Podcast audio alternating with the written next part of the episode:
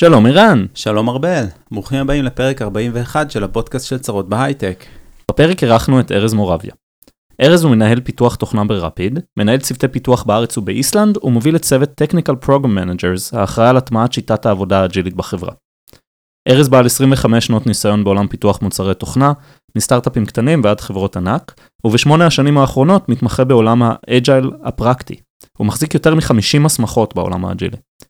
ארז גם חיבר ספר, Make Your Work Week Awesome, מדריך מעשי לניהול אפקטיבי של שבוע עבודה עמוס באימיילים, ישיבות ואין ספור משימות. דיברנו על המון מושגים בעולם האג'ייל והגדרנו בכלל מה זה, איך מצליחים להזיז ארגון שלם לשיטת עבודה חדשה, מה עובד יותר טוב ופחות טוב בשיטה הזאת, איך מתמודדים עם בלת"מים, למה צריך להתאים את השיטה לחברה הספציפית ומה כדאי לעשות אם אתם רוצים לשפר את ה velocity בחברה שלכם. אם אהבתם את הפרק נשמח אם תוכלו לדרג אותנו באפליקציות הפודקאסטים ולשתף אותו עם אנשים אחרים. כמו כן, לפני כל פרק אנחנו מעלים פוסט לקבוצת הפייסבוק שלנו, בו תוכלו לשאול שאלות את המרואיינים שלנו, ולהמשיך את השיחה לאחר הפרק. אנחנו רוצים להודות לסמסון נקסט, קרן ההשקעות של סמסונג בישראל, שמאפשרים לנו להקליט אצלם. שתהיה לכם האזנה נעימה. האזנה נעימה.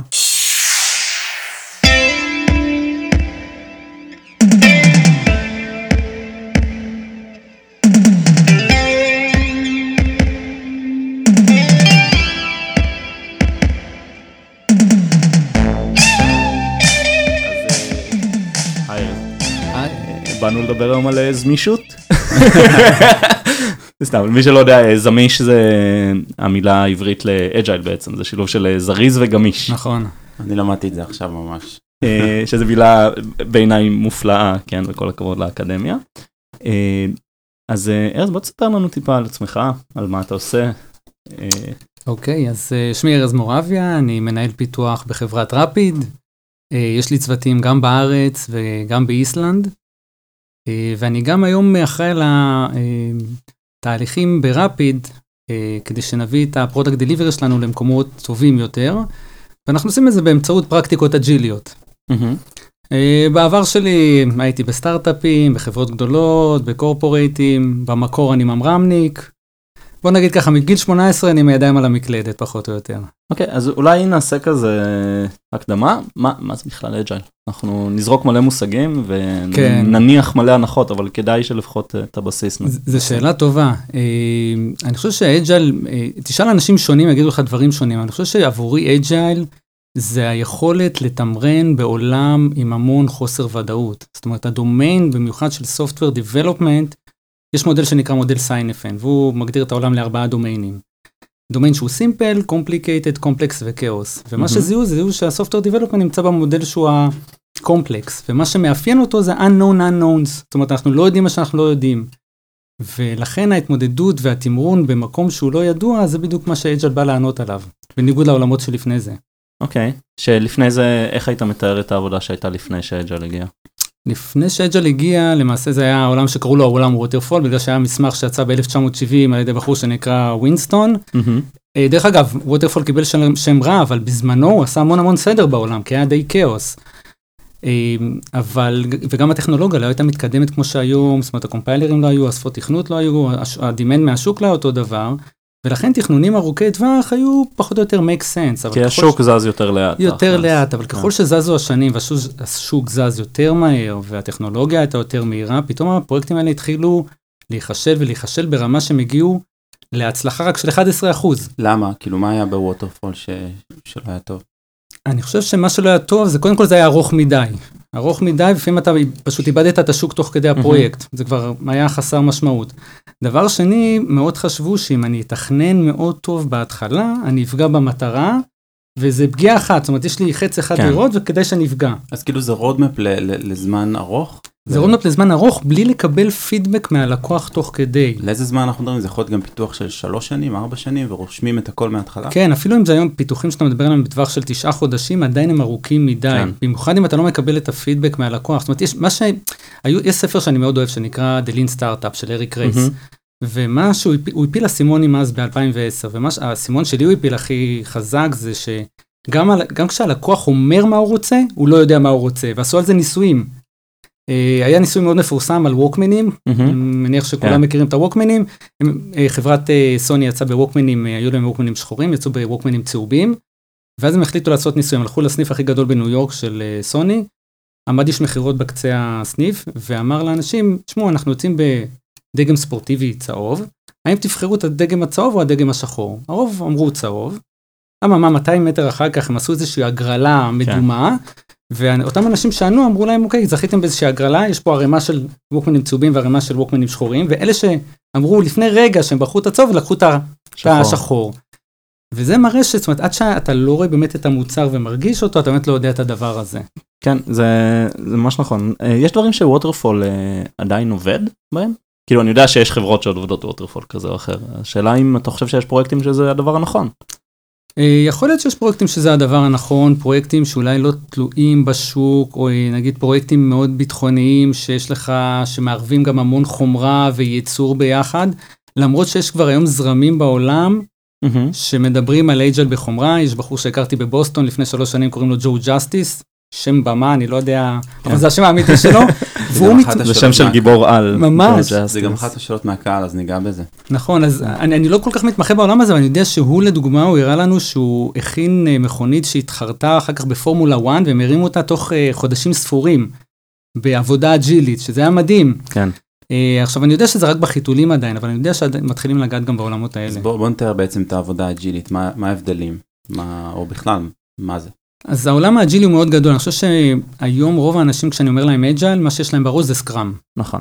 אוקיי. לי זה מה כן. שעולה בראש. לי יש משהו בראש שזה אומר כזה פשוט לרוץ מהר וקצת לשבור, אבל העיקר שרצנו. העיקר שרצנו, נכון. אז, אז הרבה חברות אני מגיע אליהם, אני גם מלווה היום חברות גם סטארט-אפים בארץ, ואני מגיע ואומרים, כן, אנחנו עושים agile, אני שואל מה אתם עושים? אה, עושים sprint-ים ושמים story points. כן. אוקיי, אבל זה לא, אומר, אני יכול לעבוד ב waterfall גמור ועדיין לעשות sprint-ים ועם story points, זה לא משנה את ה... רגע, אני רוצה כן שנדגיש את הדברים, מה זה ספרינט? הספרינט זה בעצם תקופת עבודה. תחומה בזמן. תחומה בזמן. על פי agile בסופה אמורים להוציא משהו שיש לו business value, זאת אומרת משהו צריך להיות משוחרר ללקוח או לשוק. או פנימית. או פנימית, אבל כן. לא שיש לו business value, כאילו שיש לו value. נכון. Uh, בדרך כלל זה בין שבועיים לחודש. נכון. שאני מכיר. זה בין שבוע לארבעה שבועות, היום okay. אוקיי. הסטטיסטיקות מראות על שבועיים ברוב השבועיים, העולם. מה שאני מכיר זה בדרך כלל שבועיים, כן. וזה ספרינט. נכון. מה זה story points? story points, אוי, זה, זה נושא כאוב. בואו נתחיל ככה, רוב המקומות שאני באמת מגיע אליהם, story points, אחד story point שווה שווה לאחד יום עבודה. נכון, גם אצלנו. אבל ה story point הוא לא הגיע מהמקום הזה בכלל, ה story point הוא, תחשבו על זה כעל משקל. זאת אומרת, אם אני הולך עכשיו לשוק הכרמל, ואני הולך לבסטה של תותים, אני לא שואל את המוכר, אה,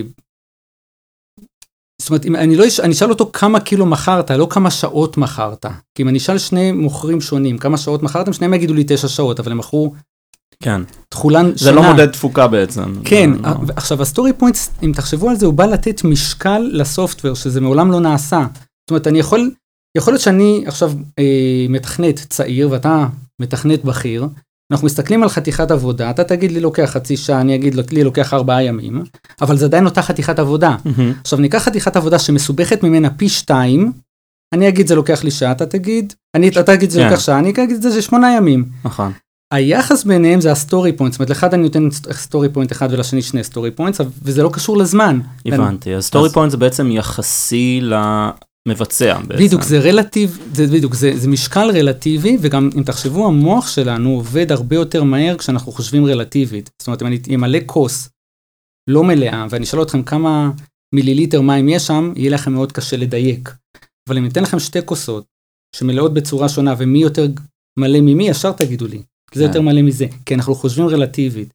בעולם של ה story point זה גם בא לעזור בדברים האלה, ואז זה easier planning יותר. ואז מה, לוקחים את כל ה story points, מחברים, סוכמים אותם ו- ומחלקים את העבודה, איך זה... אז בדרך כלל כשמסתכלים ב story points, העולם ה agile-י אומר, אני לא מסתכל על ה individual, אני מסתכל על צוותים. אז אני mm-hmm. מודד, זאת אומרת, מה שאני רואה, אחת הטעויות הנפוצות זה כשאני מגיע ל planning, כמה אני יכול לעשות בספרינט? יש לי חמישה מתכנתים לעשרה ימים, חמש כפול עשר חמישים, ואז אני מתחיל לעשות, בוא נכפיל את זה ב-0.82, כי אני לוקח buffer, פחות שני ימי מחלה. buffer של מה? אנשים הרי לוקחים... בלת"מים. בלת"מים או מחלות, מחלות, בידודים, בדיוק. כן. באגים לא צפויים. אני, אני מגיע לכל מיני פורמולות כאלה מורכבות מאוד, כן. שנותנות תוצאה מדויקת לכאורה, ואז הם נכנסים לספרינט ורואים שלא מספיקים, ואז אני שואל אותם, מה אתם עושים בספרינט הבא? הם אומרים לי אותו דבר, חמישה אז אולי ימים. הפורמולה לא נכונה, למה לא לעשות את ה-adjustment בפורמולה? אז, אז ואז מנסים לעשות את ה-adjustment בפורמולה. עכשיו, לא עושים את זה כל ספרינט. אז עכשיו, מה העולם ה agile-י אומר? במקום לנסות כל הזמן לעשות prediction על ידי משהו שהוא fixed, תסתכל על העבר, תסתכל כן. על yesterday weather, תסתכל על שלושת הספרינטים האחרונים, מה הצלחת בפועל, וזה כבר לוקח לך את כל הבאפרים, אתה לא צריך לחשוב יותר מדי. ו- ויש זה- ידע שהוא משותף, נגיד חברות בתחומים מסוימים, בגודל מסוים, יודעות להגיד שהפורמולה היא כזאת וכזאת, כדי שלא יצטרכו לעשות מין אה, למידה כזאת. לא, אני חושב שזה, אני חושב שזה שזה, ממש שונה אני חושב. שזה מאוד תלוי, אוקיי. ואפילו באותה חברה, זה ברמת בצוותים הצוות, שונים, וואלה. בדיוק כן. ברמת הצוות, זאת אומרת, אתה מסתכל על צוות DevOps, כנראה שיש לו unknowns אחרים מצוות פיתוח בביזנס לוג'יק. כן. Mm. וכל אחד מסתכל על הוולוסיטי שלו, ולכן גם velocity הוא לא בר השוואה, כי יכול להיות שמישהו עושה טכנולוגיה מאוד בוא נגדיר. אני, אני מאוד הולך לקחת את זה ל basic, כי כן, זה, כן. velocity זה בעצם הקצב. הקצב, זאת אומרת, כמה עבודה אני עושה ב timebox, נכון. שהוא שבועיים נגיד שזה ספרינט, בדיוק. בדיוק, וה velocity הזה נקבע על פי כמה מתכנתים יש, מה היכולות שלהם, אה, לא רק מתכנתים, נכון? זה לא רק זה למתכנתים, עכשיו- חשוב להגיד. עכשיו זה נהיה כבר גדול יותר, זאת אומרת, אם אני מכניס לתוך המשחק אנשי QA וארכיטק- אה, ואנשי ארכיטקטורה. ו DevOps ו designer-ים UX, ואז פתאום לאנשים קשה כבר לחשב עם הנוסחאות נכון. האלה, אני כבר לא מכפיל 5 כפול 10, אז איך אני עושה את הנוסחה אגב, הזאת? marketing לא לא רלוונטי, או שיש דוגמאות שזה כן? אז אני, אני מכיר אה, אוקיי. Scrum-ים, וכבר נגדיר גם Scrum, שיש בהם גם אנשי marketing, יש חברות שעושות את זה, שהן, אני, אתה יודע מה, אולי נגדיר Scrum. אז אני אגדיר את זה ואתה תגיד לי למה אני טועה. כי נראה לי אוקיי. אני מכיר Scrum כ-self-sufficient team, זאת אומרת צוות שיכול לדלוור על כל המשימה שלו. שמכוון למשימה אחת, כלומר לא צוות backend, אלא צוות uh, growth. או קרוס צוות, פונקשיונל, אה, מה שנקרא. כן, צוות קרוס פונקשיונל שמוכוון למשימה עסקית אחת, ויש שם אנשי UX ו-QA ומתכנתים מכל צוות שנבנה הסוגים. בכל ספרינט? אה? אז זה נקודה מעניינת, נכון. אבל אז בגדול זה צוות שקיים במטרה לדלבר משימה עסקית אחת, שיכולה מתישהו להיות מושגת ואז סוגרים אותו ופותחים צוות אחר, כן, או מבזרים אותו, כן, גם יכול להיות, אה, למשל, מה שיפה ב Scrum-ים, לפחות איך שאני מכיר, יכול להיות שבספרינט אחד אני אצטרך למשל שני, שתי מפתחות backend, אה, ובצוות השני אני לא אצטרך, כי כבר בנו את ה infrastructure, Mm. ואז אפשר להזיז אותם ל Scrum אחר. אז זה כאילו מאפשר איזושהי אה. agile-יות כזאת, אהבתי, השתמשתי ב agile-י במקום הנכון. ככה אני מכיר Scrum. כן, אז, אז, כן, אז קודם כל כן, נכון, הקונספט של self-managed ו-cross functional, זאת אומרת. אני מתנהל בעצמי ואני באמת מנסה לכסות אה, אז זה squad, לא? squad, squad זה מעניין. אוקיי, בוא- נדבר עוד רגע על ב- בוא נדבר רגע על זה. squad, כי יש לי המון מה כן. להגיד על ה squad הזה, זה נהיה buzzword שאנשים לא יודעים איפה זה אבל הגיע. כן, אז בוא נגיד, המקום של באמת self-manage ו-cross functional הוא מאוד נכון בעולם של ה Scrum, והוא כמובן, Scrum מגדיר event-ים כמו planning, refinement, daily, review, retro וכולי. אה, הוא מאוד ממוקד לצוות אחד. אה, בדרך כלל, לשאלתך, אם מחליפים סקראם כל ספרינט, היום אומרים שכדאי שלא, זאת אומרת, מדברים כן. על long live teams, ולמה? יש מודל שנקרא מודל טוקמן, הוא נראה- כמו J, וכשצוות רק מתהווה, הוא בהתחלה, הפרפורמנס שלו יורד, נכון, עד שהוא כן. מתחיל להכיר אחד את השני, ואז הוא עולה. אז אם אני מחליף את הצוותים כל הזמן, אני חוטף את הפנלטי. כן, האמת שספרינט זה אולי אה, הגזמה, אבל זה כן מאפשר לך את, ה... את הגמישות. זאת אומרת, אם כן צריך, אפשר לעשות. כן, זאת אומרת, זה לא חתונה כן. קתולית, אבל מצד בדיוק. שני, אל תעשה את זה too much, אל תעשה לזה, נכון. אל תעשה לזה זה. dating steady. כן, עכשיו המילה squad דרך אגב היא, היא בכלל לא קשורה ל Scrum. מה שיש, יש מודל שנקרא The Spotify Model. הגיע יש את ספוטיפיי, הסרטונים המוכרים שכולנו בדיוק, ראינו. הגיע ספוטיפיי והם בכלל לא, הם לא אחד מה framework ים, ה Agile framework הידועים, אלא הם פשוט מודל שתפרו אותו לספוטיפיי. כמו שרפיג'יליטי עוד מעט נדבר תפור לרפיד, ספוטיפיי תפור לספוטיפיי. כמה מזה, כמה אחוזים מהמודל הזה הוא הוא מהמודל Agile, כאילו כמה הוא לקוח מ Agile? אז, אז בוא נדבר על מה זה Agile, זאת אומרת התחלנו כן. ממה זה Agile ואמרנו הוא Scrum, אבל Agile הוא יותר רחב, זאת אומרת אם אני מסתכל על שנת על 2001 שהתחילה Agile Manifesto ופרסמו מהמם. את ה Scrum, את ה Agile לעולם, אז יצאו מודלים כמו Scrum, Kanban, Extreme Programming, הם היו מאוד ממוקדים לצוות אחד בודד. בעשור שאחר כך הבינו שפרויקטים שמוצרים דורשים יותר מצוות אחד. ואז התחילו scaled up framework, לצערי מהמם. לא הרבה אנשים מכירים אותם, כמו, נפוץ מביניהם זה SAFe, Scaled Agile Framework, LeSS, DAD, Nexus, Scrum at Scale, שוב, זה. קללות, אני, אני מכיר Scrum of Scrums, כאילו, שזה גם נכון, יותר אבל כל. אלה זה, יש ספרים עבי כרס עם מאות עמודים שמתארים את המודלים האלה. עכשיו, לי יש איזושהי שריטה, כשאני נכנס לנושא מסוים, נכנסתי אליו עד הסוף, כן. עשיתי יותר מ-55 הסמכות בעולם האג'ילי, באמת, כי מהסיבה ה- היחידה שנמאס לי שאומרים לי צריך לעשות ככה או ככה, פשוט רציתי להכיר את כן. הכל, לא התכוונתי לעשות כן, כל. כך הרבה, אבל פשוט נשאבתי לעולם אחרי הזה. הפרק הזה אף אחד לא יגיד לך יותר. אף אחד לא יגיד. את זה, כן. ומה שגיליתי שיש כל כך הרבה ידע בעולם הזה שאף אחד בכלל לא חשוף אליו וכולם חושבים על נכון. Scrum. אני, כשאני עושה Agile בחברה אני לא יכול להתמודד רק עם Scrum, כי Scrum מדבר לי על צוות, אבל מה נכון. קורה בין הצוותים, מה קורה ברמות מעל של roadmap management, שם חברות זה- פתאום זה שאלה נאבדות. מעניינת, מה קורה? צוותים, אותי מאוד מעסיק אה, עבודה של צוותים הוריזונטליים למשל, נכון? יש כל מיני צוותי DevOps או infra. בטח, לזה. ו- אבל אתם יודעים מה, גם אם אני צוות cross functional, אם המוצר שלי הוא מסובך, לא, אני לא יכול להרכיב צוות אחד שבאמת יעשה לי business case end to end. אלא אם כן אני אעשה צוות של אז מה 25 קורה אנשים. באמת בחיבור הזה בין צוותים? כאילו איך Agile בא לידי ביטוי בחיבור בין צוותים בתקשורת, בסנכרון, ב... אז, אז החוכמה פה זה לעשות שנייה zoom out, להסתכל על הצוותים, קודם כל שהם ירוצו באותו cadence, זאת אומרת אני אומר שבועיים, אז נגיד ברפיד, אנחנו רוצים רביעי עד רביעי כל שבועיים, מהמם.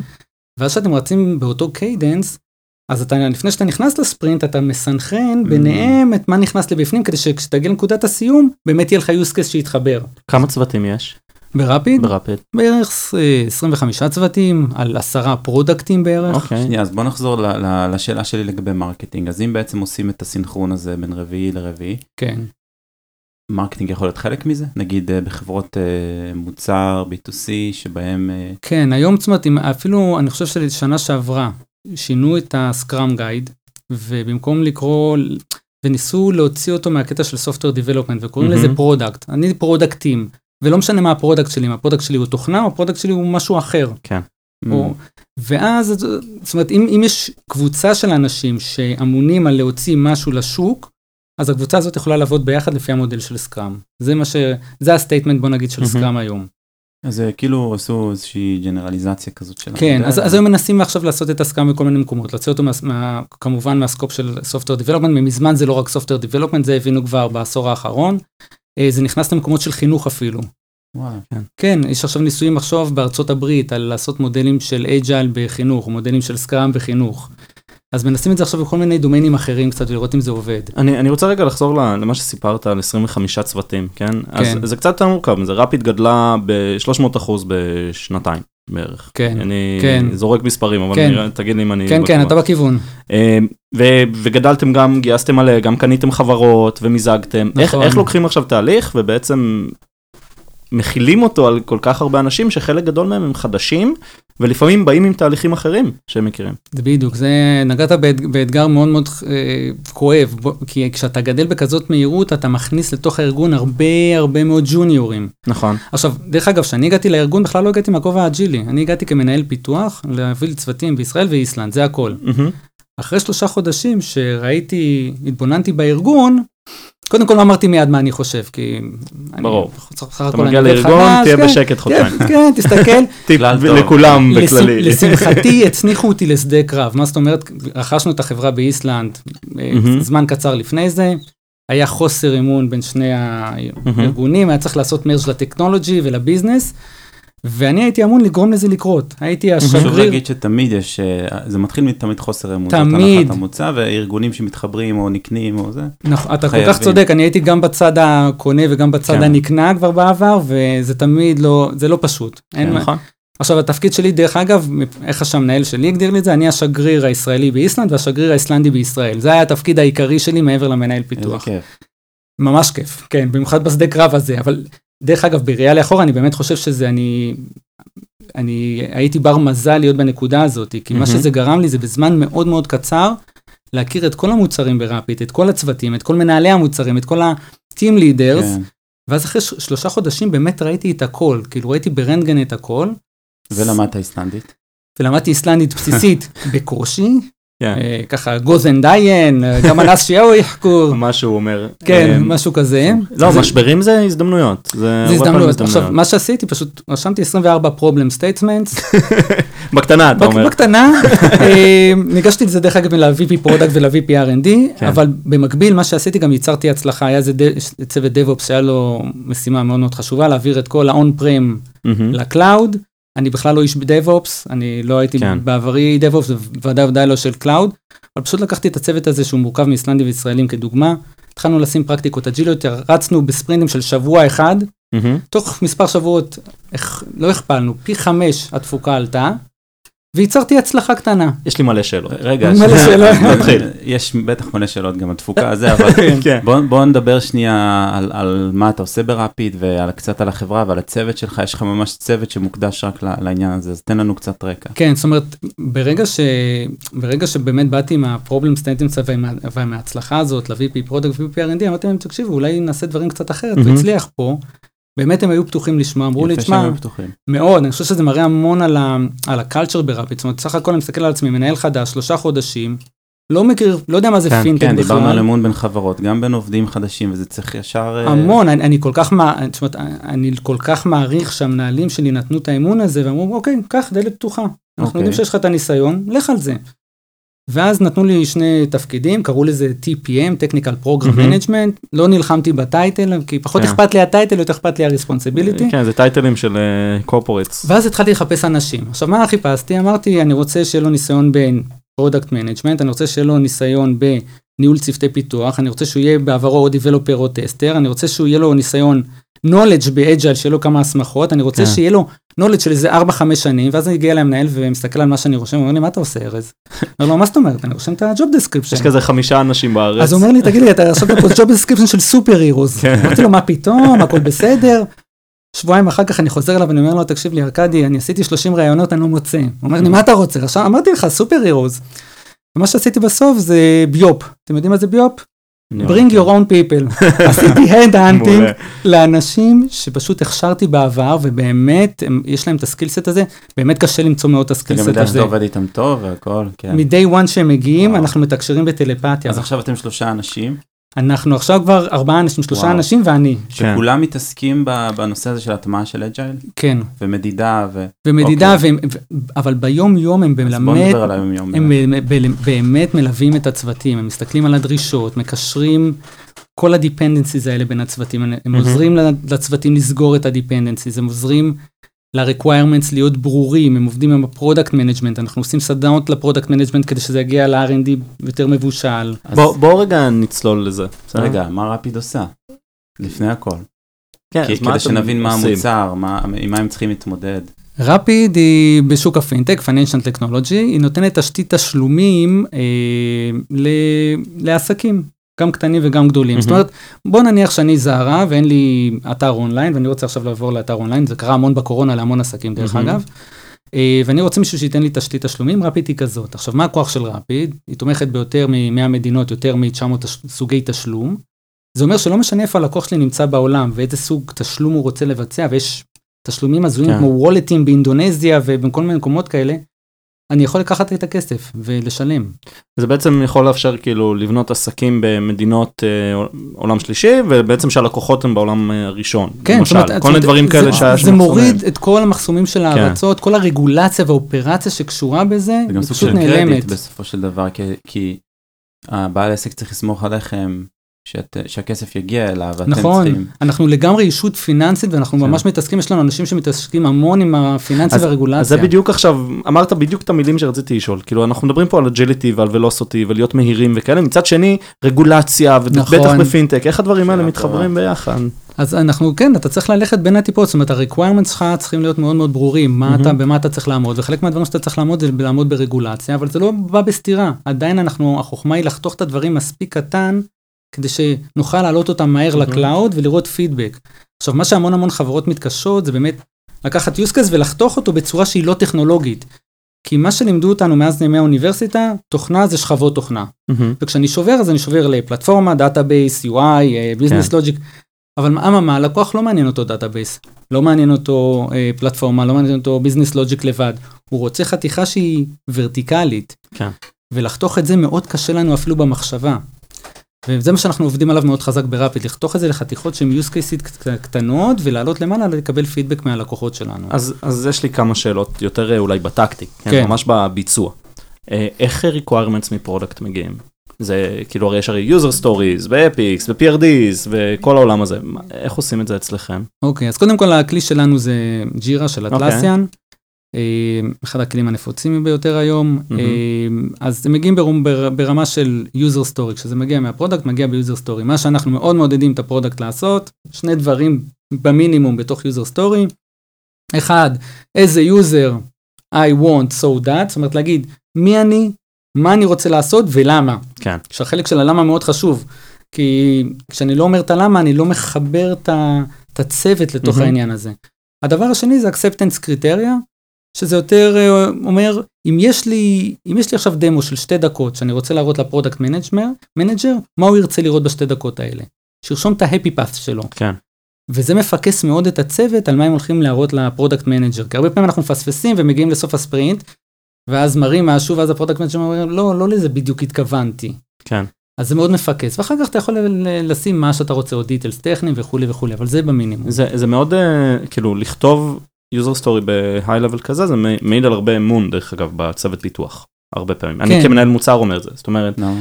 כי יש שני כיוונים. יש את ה... לכתוב מסמך requirements שהוא מפרט כל path ואת כל ה-edge cases ואת כל הדברים, ואף PM בעולם לא יכול לכתוב מסמך כזה בפעם הראשונה כמו שצריך. באמת, נכון. כאילו זה כמו לכתוב קוד, אתה תמיד צריך קוד ריוויו, כאילו. אה, והצד השני זה לה- להסביר את הבעיה ומה אני רוצה לעשות בגדול, כן? ולתת ל-engineers המעולים ולדיזיינרים עוד יותר מעולים בדרך כלל, אה, לכתוב אה, ולפתור את זה, נכון? כאילו לסמוך עליהם שהם מבינים את הבעיה מספיק כדי לפתור ולהיות שם כדי לתמוך. אז זה נשמע שאתם הרבה בצד הזה, זאת אומרת, אני מתאר את מה ה-user רוצה לראות, אבל ה-requirements זה כזה, לא יצטרכו להגדיר לכם לצורך העניין מה הרזולוציה של המסך, כן? כן, כזה. אז, אז זה תלוי, לפעמים כן, לפעמים לא, זה, גם אוקיי. תלוי, זה, זה, תלוי מאוד ב-product manager עצמו, יש כאלה שאוהבים להיות יותר טכני ויש כאלה שהם יותר high level, זה גם תלוי בצוות עצמו, כמה הוא עצמאי או כמה הוא צריך שיאכילו אותו. אני חושב שזה משחק שכל מהמם. הזמן אה, מין טנגו כזה שהולך בין שני הדיסציפלינות האלה, אה, אבל מה שחשוב שזה יהיה ברור, בוא נגיד ככה, שאנחנו שמים planning, ברור לכולם מה עושים. מהמם. אה, ודרך אגב, כשמגדירים את זה במו- ב- ב- בפורמט הזה, גם ה-planning או המעבר על ה-requirements הוא מאוד מהיר, כי בא ה-product manager מתמקד ב-what, מה אני רוצה, לא איך לעשות את זה, כי הרבה פעמים אנחנו מערבבים את זה ביחד. כן. ואז הדיונים של ה-how, איך אני עושה את זה, והם דיונים ארוכים הרבה יותר, נכון. ו-product manager בכלל לא צריך להיות שם. יכול, אפשר לשלוף אותו, אם צריך עוד פעם לשאול אותו שאלות על. ה-requirement, אבל בגדול הוא לא צריך להיות שם, ואז זה עושה המון סדר, זה גורם לדברים להיות הרבה יותר מהירים. אז אני דווקא על זה אני רוצה לשאול, בטח על ספרינטים קצרים יותר. דיברת על ספרינט של שבוע. נכון. איך יש, ב-agile יש המון המון טקסים, נכון? כן. אה, איך בספרינט של שבוע בעצם מכניסים את הזמן הזה?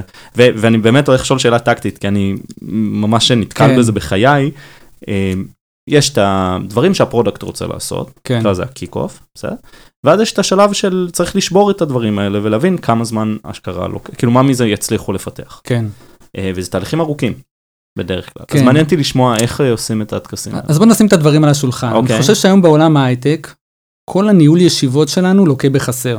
מסכימים באמת. ואז כשאנחנו הולכים לעולם הסקראם ואומרים איבנטים זה תכלס ישיבות, ובגלל שאנחנו לא יודעים איך לנהל ישיבות גם לפני זה, אז גם בעולם של הסקראם אנחנו לא יודעים איך לנהל ישיבות, ואז זה יוצא עם טעם נפגם. הדבר השני שאנחנו מנסים לקחת כל כך הרבה איבנטים נגיד בבת אחת ולהכיל אותם על ארגון, הוא לא מסוגל לעכל את זה ולא יודע איך לעשות את זה, ואז. אנחנו עושים אותם הרבה דברים לא יעיל, ואז הם, ההרגשה שיוצאת לצוותים זה שהסקראם כבד מדי ולא יעיל. אני. בדרך כלל ממליץ לקחת event event ולעשות אותו כמו שצריך, ואז ללכת ל-event הבא. עכשיו, אם דיברנו על planning, אז אם אני מגדיר את זה כמו שדיברנו על ה-requirements, ואנחנו עושים ישיבה שאנחנו רק מגדירים את ה-what, היא ישיבה מאוד מהירה. אחר כך ישיבה של how, על איך אני עושה את הדברים, אז יש מכל מיני טכניקות, אנחנו לא, היום העולם האג'ילי אומר, ההשקעה ב-planning צריכה להיות uh, מדודה מאוד. זאת אומרת, מהמם.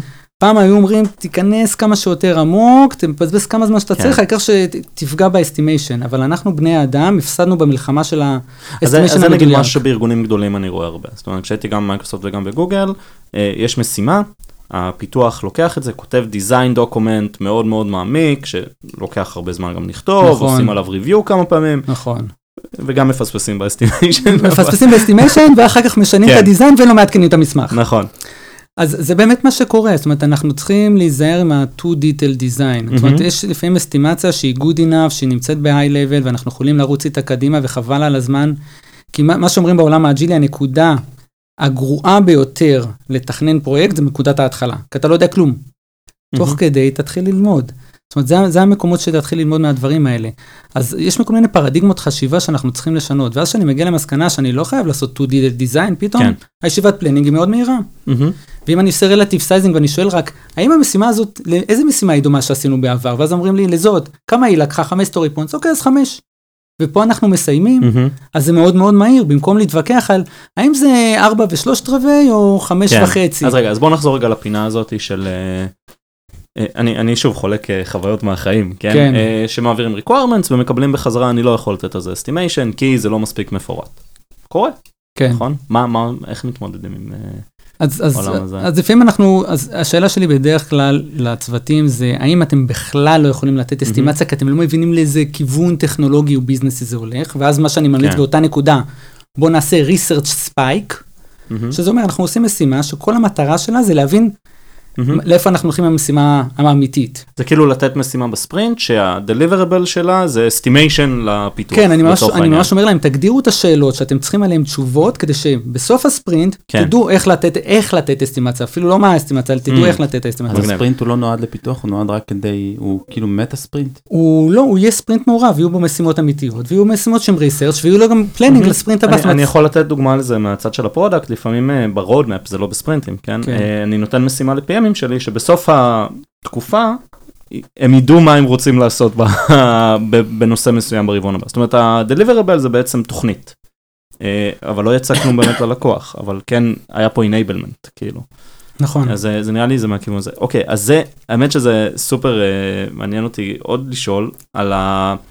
אז אמרנו שיש את הטקס של ה planning וה estimations, ויש את ה... אני קורא לזה kick off, או... כן, הרבה בעצם- קוראים לזה זה- kick off, כן, לא... שבעצם ה-PM מציגה או מציג את אה, מה הם רוצים שייכנס לספרינט, נכון, והרבה פעמים אחרי ה plan, כאילו ה-how to, כאילו איך פותרים, מגיעים למסקנה שוואלה אי אפשר לעשות הכל, ועושים איזשהו תעדוף, וחותכים דברים והכל בסדר.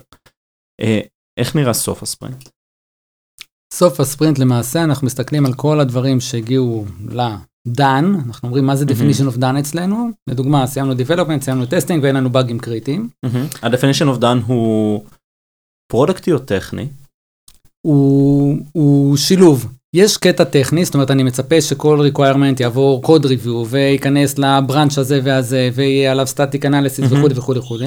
ויש קטע פרודקטי שדיברנו על ה-acceptance criteria, הוא צריך לעמוד בזה וזה וזה כן. וזה וזה. אבל הוא, אבל הוא בעצם מבוסס, אני, אני בכוונה מחדד את זה, זה מבוסס על הביצוע של המשימה, הוא כאילו לא מבוסס על אה, פתאום המטריקה שרצינו שתעלה תעלה, נכון? זה לפני ה release בעצם, כן. ה-definition of done. כן. אוקיי, ואז כשאנחנו מחליטים שזה done, אז הרבה פעמים מה שמעודדים זה בוא תראה ל product את מה שעשית, כדי שהוא יגיד, אוקיי, לזה התכוונתי או לא התכוונתי, או שהוא יסתכל ויגיד, וואו, עכשיו שאני רואה את זה, אני רוצה לשנות את ה-requirements הבאים, כי אני מבין עכשיו שככה וככה, זאת אומרת, וזה כל הקטע האג'ילי, שיהיה מממ. פידבק שכדי שנכוונן את ה product ואת ה-requirement הבאים שלנו. זאת אומרת, אחד מהמשפטים הגדולים בעולם האג'ילי והקסם שלו של דברים שנעשים יותר מהר, זה לא כי אני עובד יותר קשה, או באמת יותר מהר, אלא זה uh, maximizing the work not being done. זאת אומרת, אני ממקסם כן. את העבודה שאני לא עושה.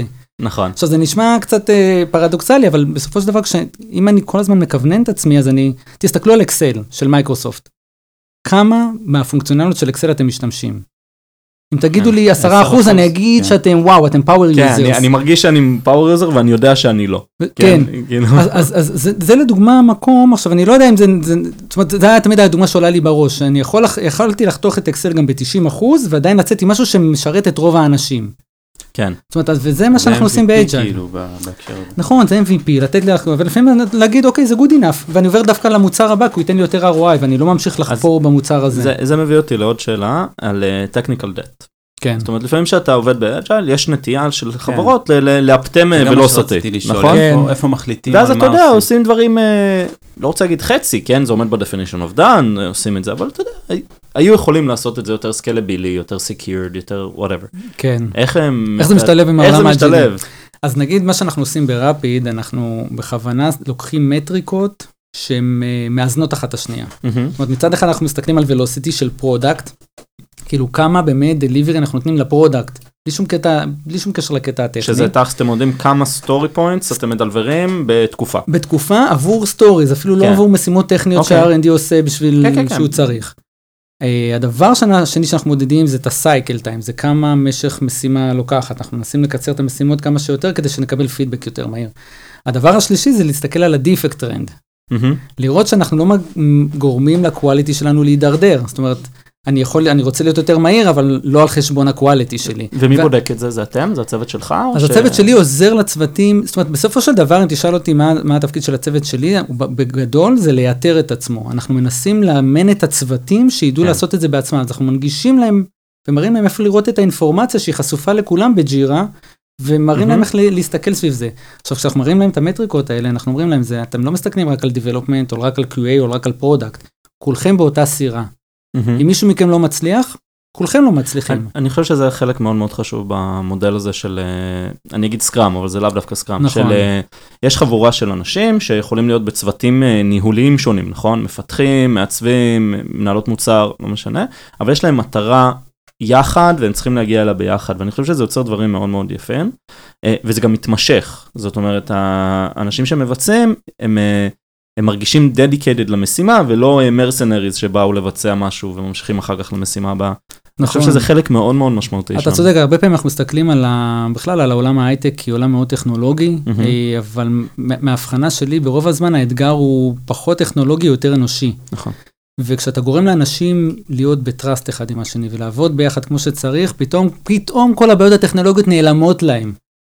ולהבין להבין את המשימה. אני, אני אתמול אה, בערב אה, עשיתי אה, פגישה עם כמה חבר'ה אצלנו שהם הם חוקרים. הם אנשים מאוד מאוד טכנולוגיים, והמטרה שלי הייתה לספר להם מה אנחנו בונים, כן? כי אני רוצה שהם יהיו מסוגלים לספר את זה כמו שאני מספר את זה, ויאמינו במטרה גם. מעולה. וזה זה כל כך חשוב העניין הזה. של, נכון, זה אה, מחבר את כולם, זה, זה, זה כשאמרתי איך כותבים כן. user story, להגיד את ה-why מאוד חשוב, זה מחבר אנשים. לא להסתכל על מתכנתים כאנשי קוד, אלא כחלק כן. מהצוות, הם עוד זה- מוחות. כן, זה גם נכון ברמת החברה, שכשהחברה מאוד uh, משדרת ל- לעובדים ולעובדות מה רוצים להשיג, לאן פנינו מועדות, נכון. ומן הסתם שקיפות בכל. ה engagement, היום יש בעיה גדולה בכלל של engagement של כן. עובדים לחברות, רואים. ועוד סקרים כאלה. שעובדים נכון. מהבית והיברידי וזה חשוב שיהיה איזה לגמרי. כוכב צפון כזה שכולם align. נכון, מאוד מאוד חשוב. אז בוא רגע נחזור לרפיד, אז uh, אתה בעצם יצרת איזושהי שיטה ביחד עם הצוות כמובן, ש, שנקראת רפיג'יליטי. רפיג'יליטי. מאוד מתוחכם, רפיד ו agility, כן, כן, זה- רפיג'יליטי. זה, זה זמיש ורפיד, בו זמנית. אה, אז אה, בוא, מה, מה, מה זה בעצם? מה, איך זה שונה מהאג'ייל, מהתורה? מהתורה. אז, אז כמו שאמרתי, דיברנו על סקראם, קנבן, אקסטרים. פרוגרמים שיצאו, ואחר כך כל מיני מתודולוגיות, פריימוורקים שנקראים סייף, לס, נקסוס, דד וכולי, עם כל מיני קללות כאלה. עכשיו, לא לקחנו אף אחת מהם. לקחנו פרקטיקות מהרבה מהם, ותפרנו אותם למה שמתאים לרפיד. אם תשאל. אותי, האם ברפיד היום עושים סקראם כהלכתו? לאו דווקא. האם יש מישהו שעושה את זה כהלכתו לפי אחד אה, המודלים האלה? כן, ועשיתי כן. את זה גם בעבר, אבל השאלה כן. אם זה, זאת אומרת, השאלה מה המטרה שלך, אני חושב שמה שגם הרבה חברות מאבדות, הן הופכות אג'ייל למטרה. אג'ייל זה לא המטרה. אה, improving your product delivery זה המטרה. אג'ייל זה רק המנוע שעוזר לך להיות שם. עכשיו, בגלל שזה עולם כזה רחב, אתה צריך להיות מסוגל לבחור את הפרקטיקות האלה שייתנו לך את ה... את ה-20 אחוז שייתן לך את ה-80 אחוז. אז למה זה לא נכון לכל חברה, או שזה בעצם כן נכון לכל חברה, אבל שכל אחת מרכיבה לעצמה בעצם איזה מישמש כזה מכולם? זה, אני. אני מאוד ממליץ לעשות כן. את זה, זה פשוט דורש המון ידע וניסיון. זאת אומרת, כן, היום היום נגיד הסטטיסטיקות, נגיד את התואר השני שלי עשיתי בהתמחות בעולם האג'ילי בבעיות של scaled up agile. מאוד עניין אותי למה, למה הרבה נכשלים בעולם הזה. זאת אומרת, הסתכלתי על אה, סקרים שיוצאים ואמרו שהיום 94% מהחברות נוגעות באג'ייל, עושות משהו אג'ילי אצלם בחברה. מהצד השני, 84% מתוך החברות האלה לא הגיעו לרמה בסיסית של אימפלמנטציה. ואז אתה אומר, איך יכול להיות שכל כך הרבה מנסים וכל כך הרבה נכשלים? אולי אני כי זה משהו שרוצים להגיד, או buzzwords כזה ש... לא, אבל ממש עושים את הסקרים האלה שנה אחרי שנה על אלפי פרויקטים, כן. ואותן תוצאות, אבל, אבל זה שוב, זה פוגש אותי במקום שאני שואל מישהו מה זה אג'ל אצלו, והם עונים לי בסקראם, ואני מבין שסקראם כן. לא יכול להחזיק את הארגון לבדו, זה, זה משהו שהוא גדול יותר, והרבה מפספסים את זה, עושים ספרינט ו story points, ונעצרים באותה נקודה. חייבים כל הזמן, מהמם. זאת אומרת, רפיג'יליטי זה גם לא משהו שהוא פיקס, זאת אומרת, זה לא משהו שהגדרנו וכולם צריכים עכשיו להתכוונן אליו.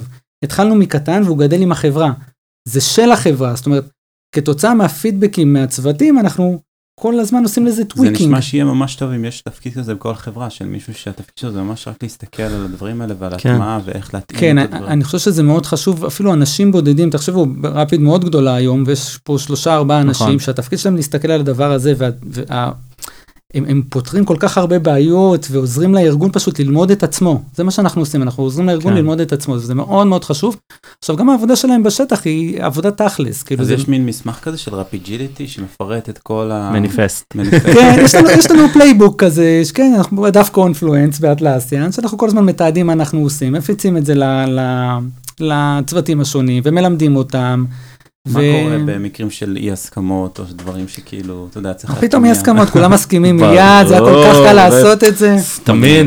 מה, לשנות את כל תהליך העבודה של חברה? סופר קל. סופר קל. אז תראה, ה- ה- הקטע של הכלי כמו ג'ירה והקטע של כן. הפרוסס הוא קל יחסית. אוקיי. כן? גם שם יש אתגרים, אבל זה קל יחסית. אתה צריך להיות מומחה בכלי, דרך אגב, השקעתי המון זמן כדי ללמוד את ג'ירה. וואו, זה כמו שדיברת על אקסל, נכון? כאילו כולם חושבים שהם יודעים ג'ירה, בדיוק. ובפועל אני לא יודע כלום, אני יודע בגדול איך לעשות burn down chart, עד שם הגיע... נכון, אנשים לא מכירים מה יש בטול כן. בילט-אין, ופתאום הולכים וקונים כל מיני כלים אה, נוספים. עכשיו, להבין את הכ- את הכלי, אתה משתמש בו ביום-יום, תבין אותו. אז אנחנו קודם כן. כל מתמחים בכלי ובפרוסס. אבל מה שבאמת קשה זה כל הפרדיגמות חשיבה שאתה צריך לשנות. אה, למה QA ו-Development צריכים להיות ביחד? מהמם.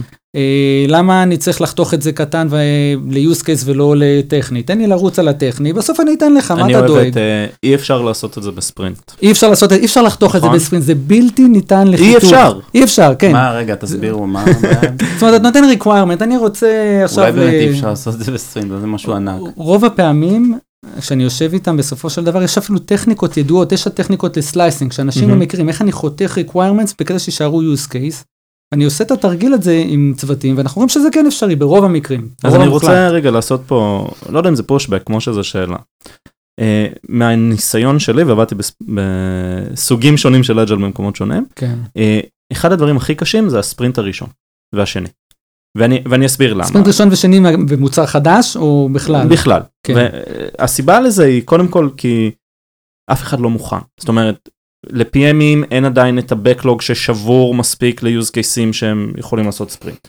אז יש פה איזשהו, אה, נקרא לזה pre-processing שצריך לעשות, נכון? צריך לעבור על ה-Backlog, לקחת כל המשימות, לשבור אותן מהרבה פעמים מסמכים ל-use cases, נכון? ל-stories. אז זה למשל דבר אחד. כן. הדבר השני, האסטימציה בפעם הראשונה היא בדרך כלל, כאילו. אפשר- להגריל קובייה וזה כן. יצא בערך אותו דבר. ושוב, לא באשמת אף אחד, פשוט כי זה פעם ראשונה שעושים. ואני הרבה פעמים מרגיש שהספרינט הראשון גורר חוסר אמון בשיטה. והמקומות שבהם ראיתי שזה עובד טוב, זה מקומות שבהם הלכו all in. זאת אומרת, אמרו, מעכשיו, ככה עובדים, וזהו. זאת אומרת, מהמם. אין מה לעשות, וזה לא יעבוד בספרינט הראשון, ומתקשרים את זה, זה לא יעבוד טוב, וגם בשני לא. בדרך כלל באזור הספרינט השלישי זה כבר קצת אה, נכנס לזה. כן. איך אתה מנהל ספרינט ראשון?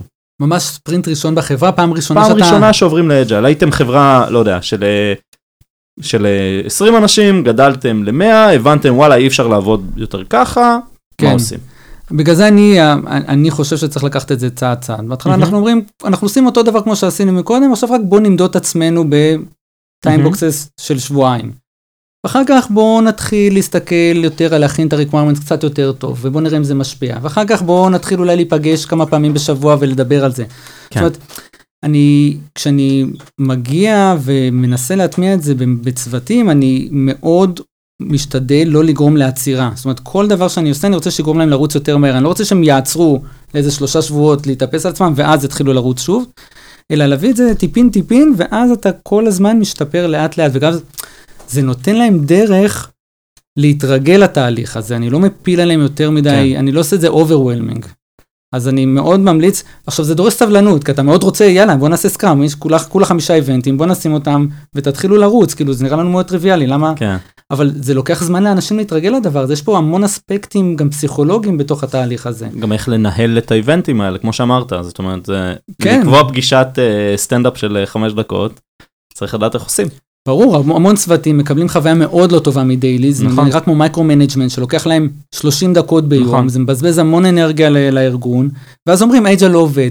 זה הכי חבל לי, שבסופו של דבר נכון. מישהו מגיע ואומר, ניסיתי את הסקראם הזה, לא עובד, או לא- ניסיתי לא את לנו." לא עובד. כן.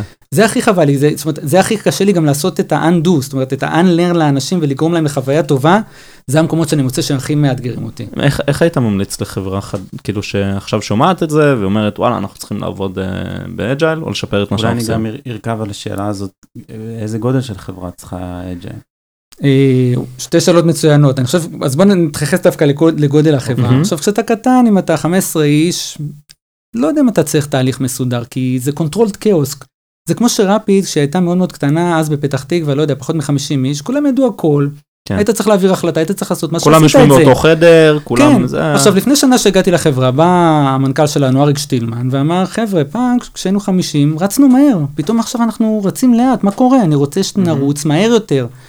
עכשיו, זה, זה בדיוק זה, זאת אומרת, מגודל מסוים אתה כבר צריך להתחיל תהליכים, אתה צריך לזהות מה הגודל שהולך להיות באמת בעייתי עבורך. עכשיו, זה באמת, ומהניסיון שלך בערך. מהניסיון שלי, ברגע שאתה את זה? גדל מעל, אתה יודע, שלושה צוותים, ומתחיל פתאום מהמם. עכשיו, ואז בדרך כלל זה, זה גדילה אקספוננציאלית, להבין שאנחנו הולכים ללכת למקום הזה, ואז להתחיל להטמיע את הדברים האלה, כדי מהמם. שהאנשים החדשים שיגיעו, יגיעו לתוך DNA שהוא כבר אג'ילי יותר. מכונה אה, משומנת. כן, זאת אומרת, לא להתחיל את זה כשאתה גדול, לתפוס את זה קצת מה לפני. הכוונה בשלושה צוותים? אם יש מוצר אחד וצוות שהולך וגדל, צוות אחד, או שאתה אומר שלושה צוותים לדעתי הרבה פעמים? זה כזה כן זה כזה backend front אה. end QA זה גדולים או שאנחנו לא מבינים בכלל מה אתה מדבר. כן, אבל, אני, אני מעדיף שיהיו צוותים מעורבים, אבל נניח שכבר כן. עשינו כבר צוותים מעורבים, ונניח שאני צריך עכשיו, Mm. אני צריך עוד צוותים פשוט, כי המוצר שלי גדל, אני צריך יותר פונקציונליות, אני אתה רוצה עוד מפרק את צוותים. המוצר לתתי מוצרים שכל צוות אה, אחראי על חלק. עכשיו זו שאלה גדולה, איך אתה מחלק באמת את המוצר שלך, אם זה, זאת אומרת, זה אתגר גם מאוד מאוד קשה, זאת אומרת, אם, איך, ברפיד בחרנו לפ, לפרק את זה ל mini products, הגדרנו דומיינים ביזנסיים ושמנו צוותים מסביב. ואתה צריך, זאת אומרת, אין שיטה אחת לעשות את זה, Mm. זה יותר כאילו דיבור בין ה product management, איך הוא היה רוצה לראות את הפן העסקי שלו. אוקיי. אה, טוב אז אנחנו נעבור שאלות מהקהל אוקיי? היו המון המון שאלות. אה, חלקן היו על השאלה של אה, לתת ספונסר שיפ למכבי תל אביב אבל נראה לי כן. שזה פחות אה, זה. אה, טוב אז אה, צ'ארלס אה, אנסל אני מקווה שאני אוקיע את זה נכון שאל אה, מה האתגר הכי גדול שנתקלת בו בתפקיד הזה. אמ, בפן, בכובע של הרפיג'יליטי. אני מניח שזאת השאלה יותר, ברמה כן, של האג'ל. כן. אני חושב שזה אה, לעשות engagement לרמת, ה, לרמת הנהלת הביניים. זאת אומרת, ה-team leaders וה-middle management, לגרום להם להיות חלק מהתהליך הזה, להאמין בתהליך הזה, להיות change agents של התהליך הזה. אה, אני חושב שזה האתגר הכי גדול ב- בהטמעה שהייתה לנו. אוקיי. מהמם. ואתה, לפעמים אתה לא יכול לשכנע כל בן אדם, אבל אתה צריך נכון. שתהיה לך לפחות קואליציה גדולה מספיק, כדי שתסחוב את זה קדימה. אמ, אוגו בוקובזה שואל, אני בטוח שזה שם האמיתי שלו, אמ, מה הטיפים שלך כדי לא להגיע למצב שמרוב סרמונים ופגישות מאבדים פרודקטיביות? ויש לו עוד שאלת המשך, אבל תענה על זה ואני אמשיך. אוקיי, אני חושב שנגענו בזה קצת, זאת אומרת, הייתי, אני, לא מתיימר לענות בדיוק למצב שהוא נמצא בו, כי באמת זה תלוי קונטקסט, אבל כמו שאמרנו, מה, מהחוויות שאני רואה בארגונים, זה בדרך כלל, האיבנטים האלה לא מנוהלים כמו שצריך, ושוב, זה מהמם. התחלואות של הישיבות שאנחנו לא יודעים לנהל כמו שצריך, הן לא ממוקדות, ואנחנו מבזבזים המון אנרגיה, ואז התחושה היא של כבדות. אוקיי, ובהמשך השאלה שלו, איזה חלקים באג'ל אתה רואה שאפשר בהחלט לוותר עליהם בלי לאבד את הליבה של המתודולוגיה? אה, מעניין. בוא נגיד ככה, בוא נתחיל מזה שהאג'ל זה לא אחד או אפס, זה לא שחור לבן, זה וגם סקאלה. אמרנו כל חברה, וה... וכל חברה זה תפור אליה, כן, וזה סקאלה מאוד מאוד גדולה. זאת אומרת, אפשר לעשות חלק מאג'ל, זאת אומרת, אם תסתכלו היום על רפיד, האם אנחנו עושים full Scrum? לא. האם זה עזר, האם mm-hmm. מה שבחרנו לעשות עזר לנו לתפוקה? בהחלט כן, הרמנו את התפוקה פי 1.6, קיצרנו את ה cycle time פי 3, דברים משמעותיים, הגענו ל zero defect policy בכל המוצרים, זה כן. אז צריך לבחור את הפרקטיקות שלפי דעתנו ישפיעו הכי הרבה על החברה, לאו דווקא להגיד אנחנו רוצים לעשות סקראם, שזה בדרך כלל הכי קל לאנשים להגיד, כי זה מה שהם מכירים. יש, את, יש איזושהי אמרה של אה, אה, מאסלו, מהמם. מפירמידת מאסלו, כן. הוא אמר כשיש לך פטיש ביד, אז זה מאוד מפתה להתייחס לכל דבר כמו שהוא עם מסמר. כן.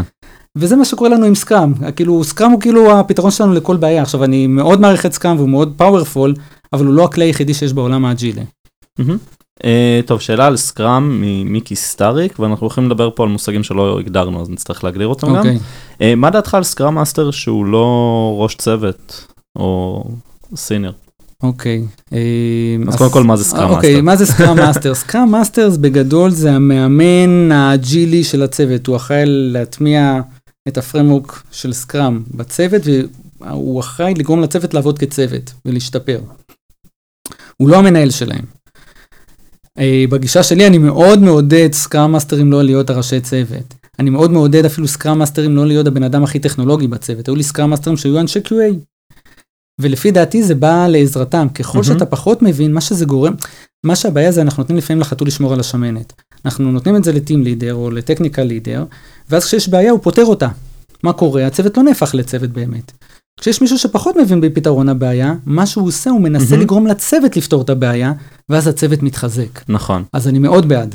אוקיי, אה, אז אני סתם על הגישה שלי, Scrum Master בגדול, זה הבן אדם שצריך לשאול כל הזמן אה, מה מפריע לצוות להתקדם, מעולה, ולשחרר את הבלוקרים האלה. מעולה. אומרת, להבין מתי צריך to escalate, להבין מה צריך לעשות, צריך... זה- לגמרי, ואתה יודע מה זה המהות, מבחינתי זה המהות של ה daily.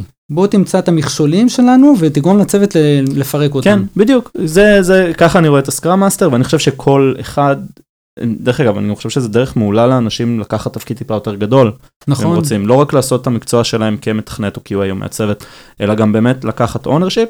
אני, הכוכבית היחידה היא שאני חושב שה product לא צריך להיות ה Scrum Master, כי יש שם איזשהו ניגוד אינטרסים של נכון, velocity מול אה, לגמרי, לגמרי. זה, אבל אה, ראיתי Scrum מאסטרים שהם גם product owners, אבל באיזשהו שלב ניגוד כן, אינטרסים. אפשר. זה אפשר, אני הייתי מעדיף אני איתך לא בקטע הזה. זה. אה, טוב, מיקי גם שאל איך אה, מייצרים planning אפקטיבי.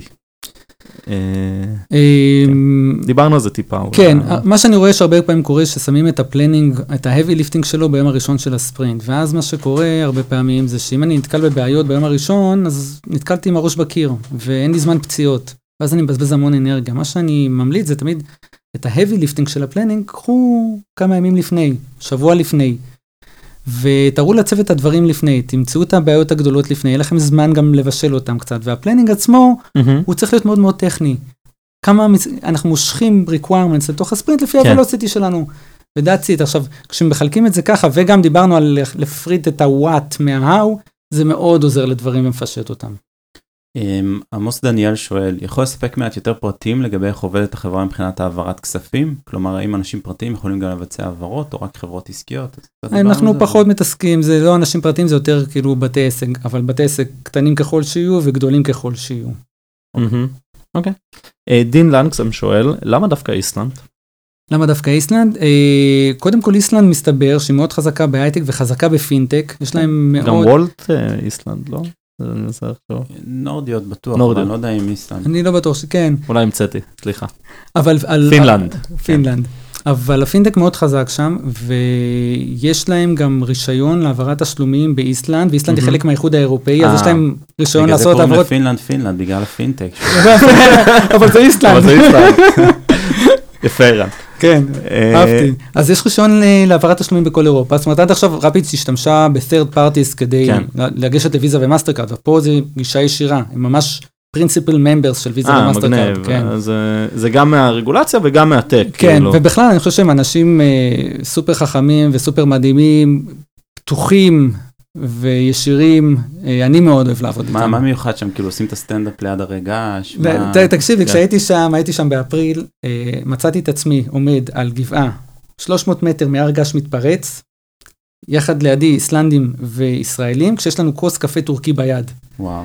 דבר הזוי, זאת אומרת, מישהו אצלנו הביא פקל של קפה טורקי, על הר געש הוציא, התחיל לבשל את זה, זה פשוט אה, מראה סוריאליסטי שם הייתה.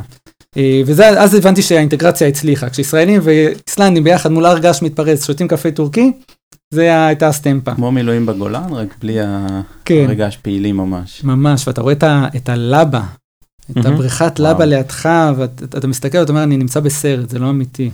אמ, מור סבן שואל, עד כמה אתה יהיר מאחד ועד לקרוא לתהליך העבודה שלך על שם החברה? אז דיברנו על זה קצת, אבל אה, אם אתה רוצה להתייחס לזה. אה, כן, אני חושב ש...